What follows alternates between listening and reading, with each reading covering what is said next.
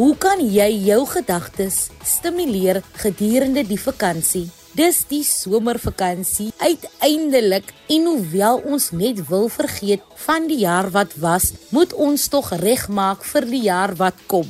Vanaand in Kompas kom deel die opvoedkundige sielkundige Elisna Kelly raad oor hoe jy jou gedagtes kan stimuleer gedurende die vakansie. En later vanaand kom vertel die skrywer en onderwyser Christa Kleinhans oor die Cape Flats Stories se slypskole en waarmee sy nog haarself besig hou. Hallo en welkom by jou Vrydag aand Kompas kuier saam met my Christlyn Cias. Onthou jy kan saamgesels in ons tweet by ZARSG of jy kan 'n inskrywing laai in die sosiale media. Onthou net die hitsmerk Kompas RSG. Elisna Kelly gaan nou haar kennis met ons kom deel oor hoe ons ons gedagtes kan stimuleer gedurende die vakansie en boonop ook kan regmaak vir volgende jaar. Elisna, altyd 'n plesier om jou hier te hê. Welkom terug by Kompas. Goeienaand Christlyn, die Kompas span en ook ons luisteraars. Dis vir my nou vanaand 'n besonderse lekkerte om saam met julle te kuier. Vanaand gesels ons nie oor ernstige sake nie, en kan ons as ware kan jy glo begin gesels oor die vakansie, die Desember vakansie om meer spesifiek te wees aan die einde van 2023. Wie het gedink dat die einde van die jaar so vinnig op ons sou wees? Maar 'n welverdiende rus is vir ons leerders bestem. Dis nie altyd so dat ons ouers ook daardie kans gaan hê nie, maar nietemin of jy dan aftyd het en heerlik saam met die leerders kan vakansie hou of sleg beperk is tot 'n paar minute, is dit steeds belangrik om hierdie tyd te gebruik om verhoudings met die leerder te versterk. Ek dink dit is 'n tyd waar ouers in daardie spreekwoordelike village wat dit vat om 'n leier op te rig, daardie oupas en oumas, neefies en niggies, boeties en sissies om daardie verhoudinge te verskerp. En hoe doen ons dit? Eerstens dink ek kan ons dit in 3 kategorieë gaan plaas. En die eerste daarvan is om kulturele kennis te verruil met mekaar. En dit dan gesê gaan ook natuurlik tot geskiedkundige vertellings en, en kennis lei. En die laaste is om die statistiese of die analitiese brein met speletjies van 'n leerder te bou. En in dit kan ons ook die leerders sekere motiverings aspekte leer. Soos byvoorbeeld, ons gaan vanaand 'n Sudoku invul. Almal kry dieselfde Sudoku. Ons maak seker dat almal dit goed kan doen of dat iemand wat bietjie jonger is, dit dalk saam met 'n ouer sit en invul. En ons het 'n kompetisie teen mekaar. Wie ook al verloor, gaan vanaand die skorrelgoed was hoe ook al ons te doen, dis belangrik om te onthou dat die kritiese aspek van Kersfees is die saamwees, die sameherinneringe skep saam met ons familie. En soos ek gesê het, kan ons dit doen deur historiese, statistiese of kulturele aspekte. En as ons dan nou gaan kyk na 'n kulturele aspek, is dit goed om soms met die leerders idees uit te ruil van toe u nog jonk was. Ons sien soms dat daar generasiegapings tussen familielede en vriende is uh, wat dan met hierdie leier meemaak op sy reis. Dis goed om te gesels oor tolletjie brei destyds en wat jy gedoen het om vakansies deur te kry. Ek weet baie mense byvoorbeeld speel 'n speletjie wanneer hulle op die pad is waar daar 'n sekere kleur aan 'n motor gekies word, die rooi span, die wit span en die grys span. En daardie motors word dan getel en dan is daar 'n wenner vir die een met die meeste motors. So hoe ook al u dit doen, is dit belangrik om tyd saam te spandeer te gesels oor toertentyd se dae. Speletjies uit te dink en definitief net daardie band met mekaar te versterk. Dit is nou baie lekker inligting waarmee sukkel kinders en jong mense die meeste gedurende hierdie tyd van die jaar. Alles van skool is darm nie altyd sleg nie. Byvoorbeeld die sosiale been. Ons het 'n beste maat of as ons gelukkig is selfs maats in 'n groep wat opgewonde is elke dag om mekaar te sien, wat net graag gou ietsie vir jou wil vertel van die vorige aand. Of wat vandag die lief en leed met mekaar deel. Byvoorbeeld iets wat sleg gebeur het in 'n les wat hulle nie goed kon verstaan nie of waar hulle bekommerd is oor daardie toets vanoggend wat afgelê is. Dis so hierdie tyd van die jaar dat leerders baie keer van mekaar geskei is en daar waar hulle dan vakansie hou, nie noodwendig opvangs is sodat hulle met mekaar kan kommunikeer nie. Dis daarom baie belangrik dat ouers die kommunikasiekrane weer probeer oopdraai wanneer dit kom by hulle en hulle kind se verhouding. En dis ook belangrik om dit lig te hou, soos ek reeds gesê het, speletjies te speel, te gesels oor fotos, die verlede, saam 'n legkaart te bou saam te gesels oor wat ons vanaand kan maak. Ek weet byvoorbeeld op 'n stadium het ek iewers gelees en ek kan nou ongelukkig nie die bron onthou nie waar iemand byvoorbeeld gesê het elke kind was verantwoordelik vir aandete en dan moes hulle uitwerk wat die spyskort sou wees vir die aand en ook hoe die kos voorberei sou word en hulle moes in spanne werk en daardeur het hulle hulle leerder byvoorbeeld leierskap geleer. Pappa of mamma moet hier help, boetie en sussie is verantwoordelik vir dit aan die einde. Wanneer probleme opgeduik het in hierdie proses, het die ouers ook goeie konflikstrategieë vir hulle leerders of vir hulle kind dan geleer. So dis ook 'n baie goeie manier om kommunikasie en ook sekere waardes en maniere om van probleme 'n oplossing te maak met die leerder en die ouer verhouding te bevorder. Hoe help mense hulle om voor te berei vir die nuwe skooljaar? Christen, hierdie is eintlik 'n baie belangrike vraag. As jy dit so vat, is hierdie vraag van kritiese waarde vir 'n kind later in sy lewe. Ons moet dit eintlik as 'n goeie geleentheid sien om vir die leerder te leer om 'n werk en 'n speellewe of verhouding goed te balanseer. Ons moet onthou dat wanneer die leerder deur hierdie jaar baie hard gewerk het, het hulle hulle oog gehou op hierdie vakansie en gedink goed aan die einde van hierdie jaar gaan ons weg, gaan ons hiernatoe en dit gaan my beloning wees. So, dis goed om dan toe te laat dat die leerder totaal en al wegbreek van die werklas van skool en dat hulle die pret, die speel en die lekker van hierdie vakansie kan geniet. Ons moet nie te veel verantwoordelikhede vir al wat werklas aanbetref op die leerders sit nie. Natuurlik verwys ek nie hier na take en rotine aspekte waarby die leerder moet betrokke wees nie. Maar dis onnodig om hier skoollaste op die leerder te kom plaas. Dit is wel 'n goeie ding om met die leerder te gesels indien hulle 'n baie moeilike jaar gehad het. En jy regtig daai band weer met die leerder gekry het omdat daar speletjies gespeel speel word, omdat daar motivering is om goedjies te doen en die kommunikasiekrane weer oop is. Is dit dan eintlik 'n baie baie goeie tyd om die leerder uit te vra? Hoekom was hierdie jaar moeilik? Hoe kan ons volgende jaar jou help om 'n beter jaar te hê. So dit gaan afhang van situasie tot situasie, maar ek sal sê dis belangrik om in hierdie vakansie die leerder te laat ontspan. Die werklas akademies is baie hoog op leerders. Behalwe dat ons 'n propvol kurrikulum het, buitemuurse aktiwiteite het, die lewe wat gebeur, moet ons onthou Die pandemie was slegs gister, as mens dit so kan stel. En baie van hierdie leerders moet nog werk of sekere vaardighede inhaal toe hulle nie in die klas was en nie in daardie graad daardie kennis kon verwerf nie.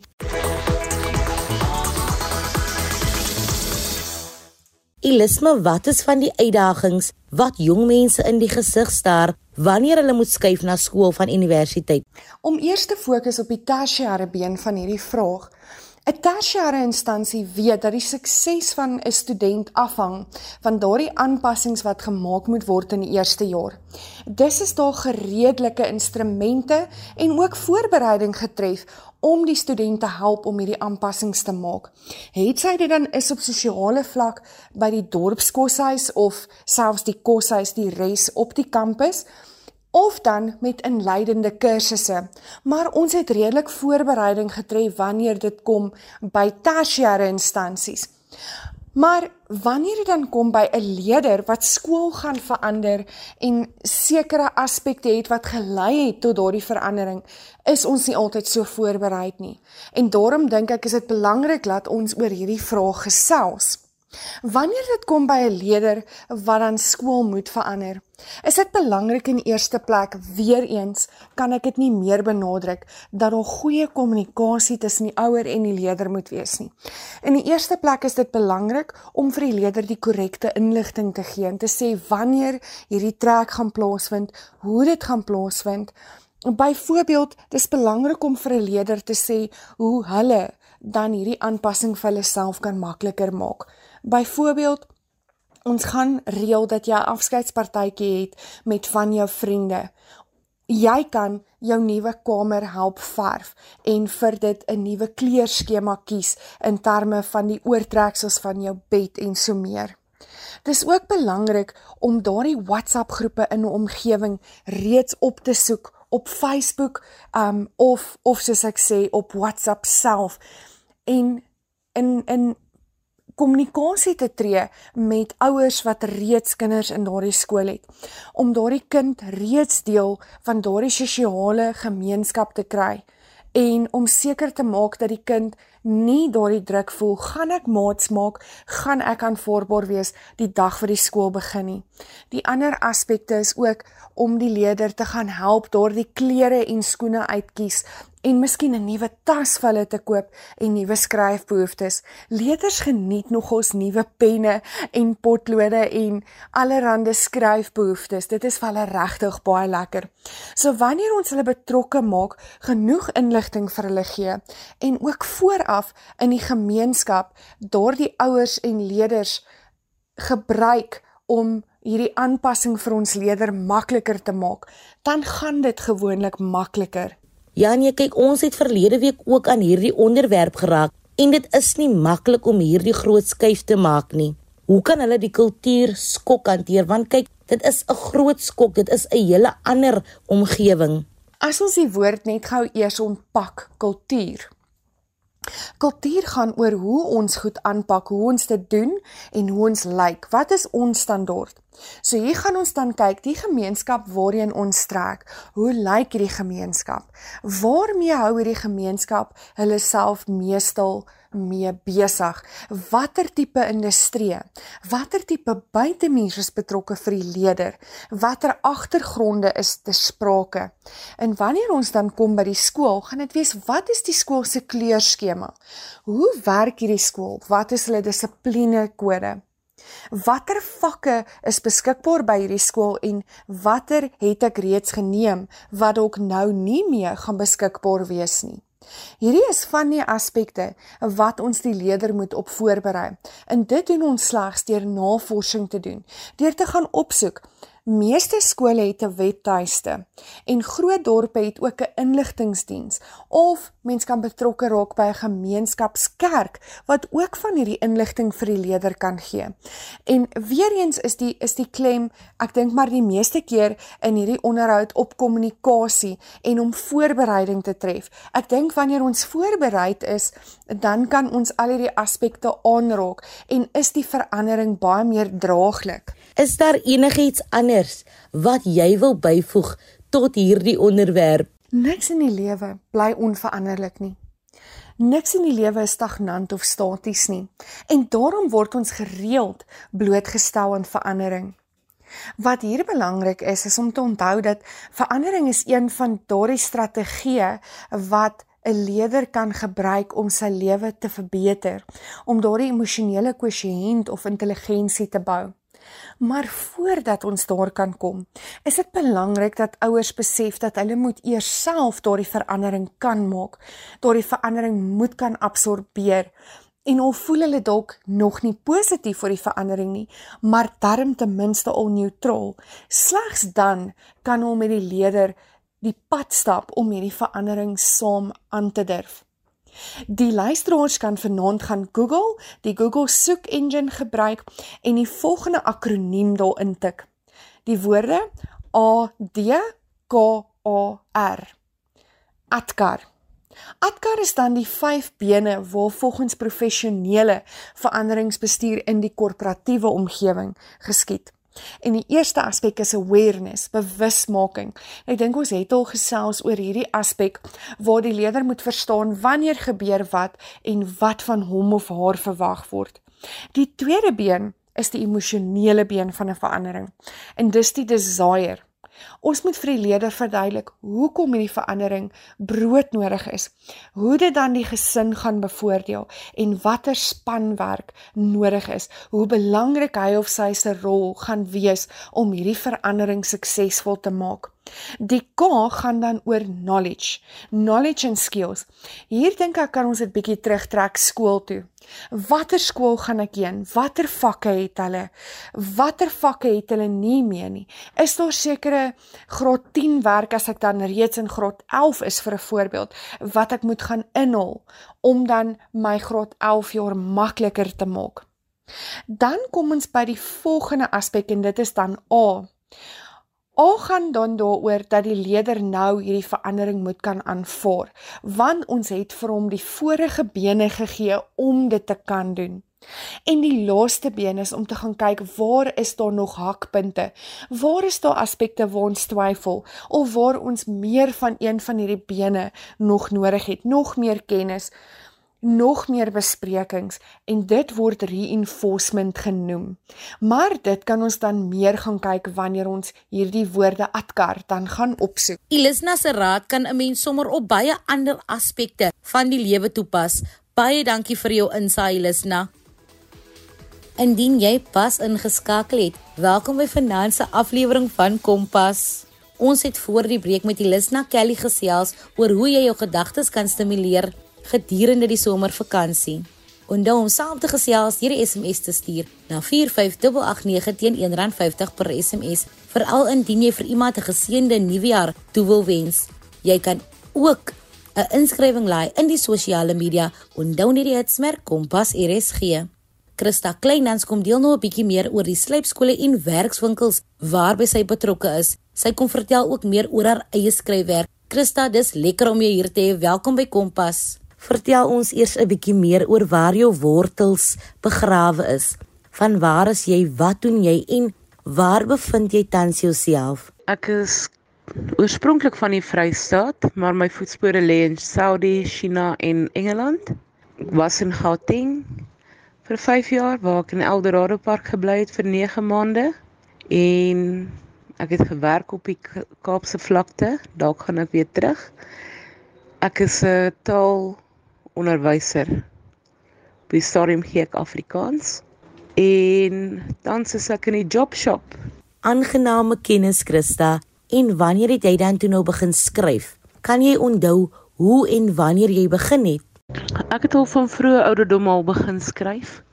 Van 8 jaar af het ek al begin om gediggies te skryf en so aan. En op 15 is een van my gedigte voorgeles na na 'n klasmaat van my oorlede is in 'n fratsongeluk. Ek het op 15 offisieel begin skryf. Ek het altyd uitgesien na opdragte waar ons goeters moes skryf of ehm um, resiteer op skool. Was mal daaroor om altyd gediggies en dramas op te voer en ons eie goedjies te interpreteer. Ongelooflik. In 2012 het jy toe Red in O Life in Poetry uitgebring. Vertel ons 'n bietjie meer oor hierdie projek. Reading All Life in Poetry is memoirs en gedigte wat ek saamgestel het tussen die wat ek begin skryf het in 1995 toe ek 15 is tot op die ouderdom van 32. Ek het gedink om memoirs en gedigte bymekaar te sit. Want baie mense weet nie wat is die agtergrond van 'n gedig nie. Reading All Life in Poetry het te doen met my opgroeijare as 'n waarnemer van die tyd in Suid-Afrika. Jy is ook 'n leier van bipolêre gemoedstoestand. Het jy al iets geskryf om mense meer in te lig en op te voed oor hierdie toestand? Ek het speelbuis geskryf as 'n bipolêre bewusmaking. Want baie mense het die akademiese woordeskat, maar as dit kom om te verduidelik, weet mense nie altyd hoe lyk 'n simptoom nie. Hoe sou jy dit beskryf en wat sou jy doen om daarmee saam te leef nie?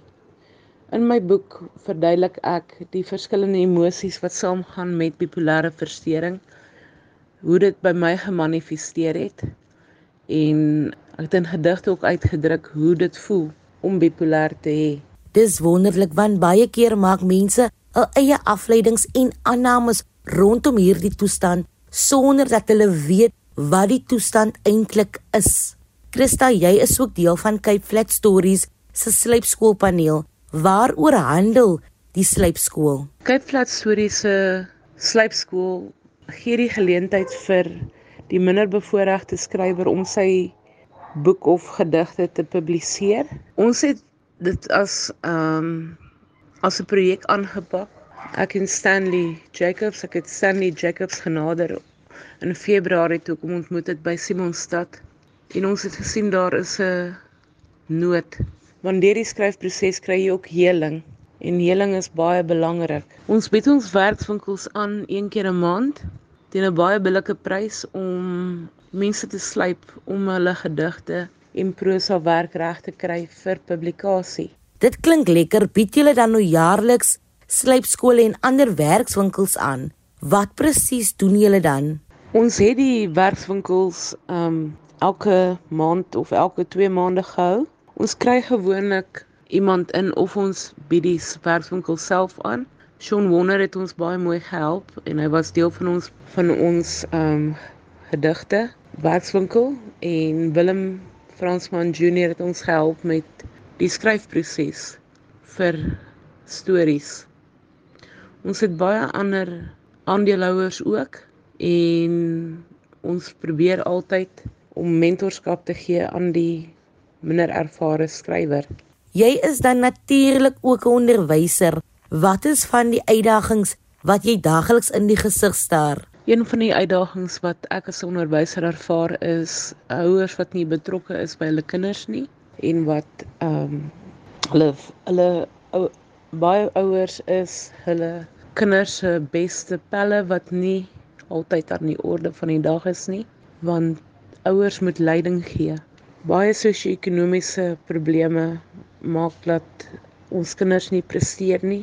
Armoede, dwelm en drankmisbruik van die ouers af, selfs die kinders, baie maatskaplike probleme en ander probleme wat voortspruit uit daai uit. En hoe sou jy sê kan kinders en jong mense hul gedagtes stimuleer nou gedurende hierdie lang skoolvakansie? Daar's baie leesprogramme by die biblioteke wat aangebied word wat die kinders kan help om te leer lees en ander projekte om hulle besig te hou. Kinders kan word ook aangemoedig om so soveel moontlik tyd weg te spandeer van selfone en ander elektroniese toestelle. Baie dankie vir daardie waardevolle raad. Is daar enige vakansieprojekte waarby jy tans betrokke is? Indien wel, vertel ons 'n bietjie meer daarvan. Ek is tans besig met verskillende nie winsgewende organisasies en NPC's om samewerking te kry vir moontlike ehm um, projekte in die nuwe jaar en ons beoog om 'n lees- en skryfskool te vestig. En waarmee is jy alles tans besig? Is daar 'n nuwe boek op die horison? Ek is tans besig met verskillende skryfprojekte vir myself en om Cape Flats Stories se slypskool af te sluit. Ons projek kom nou tot 'n einde met die publikasie en die van die digbundel en die boek. Was onlangs uitgenooi na die Ford Foundation se Art and Film Festival toe waar Eldorado Park 'n openingsrede was vir die fees, my kortfilm en tans is ek besig om myself te probeer inwurm as sulks om werk buite onderwys te kry. Enige laaste gedagte of stof tot nadenke vir die luisteraars. Saggies Bartensel in liggies getuienis van nog 'n najaar se einde wat skeer by die some. Nog 'n jaar van hoop en groot drome. Voor die skemering daal en ons die veerman betaal of ons ons harte moet weeg teen 'n veer. Onthou lesse en dankbaarheid en om jou medemens te eer. Dink aan heimwee aan die wat ons verlaat het. Laat herinnering jou terugspoel na 'n voorspoedige tyd van lag, vrolikheid en spontaniteit. Geseënde Kersfees en 'n voorspoedige nuwe jaar. Baie dankie aan vanaand se gaste vir die saamkuier. Dit was lekker om julle hier te hê. Fluit fluit. Christlyn Sia se storie is amper uit. Indien jy enige van ons programme gemis het of net weer daarna wil gaan luister, kan jy dit aflaai by ja www.rsg.co.za. Gaan net na die potgooi skakel en soek onder K vir Kompas. Kompas word aan jou gebring deur SAIK opvoedkunde. Van my Christlyn en die span hier by Kompas, 'n geseënde Kersfees aan julle. Totsiens. Kompas, jou gids tot jonk wees.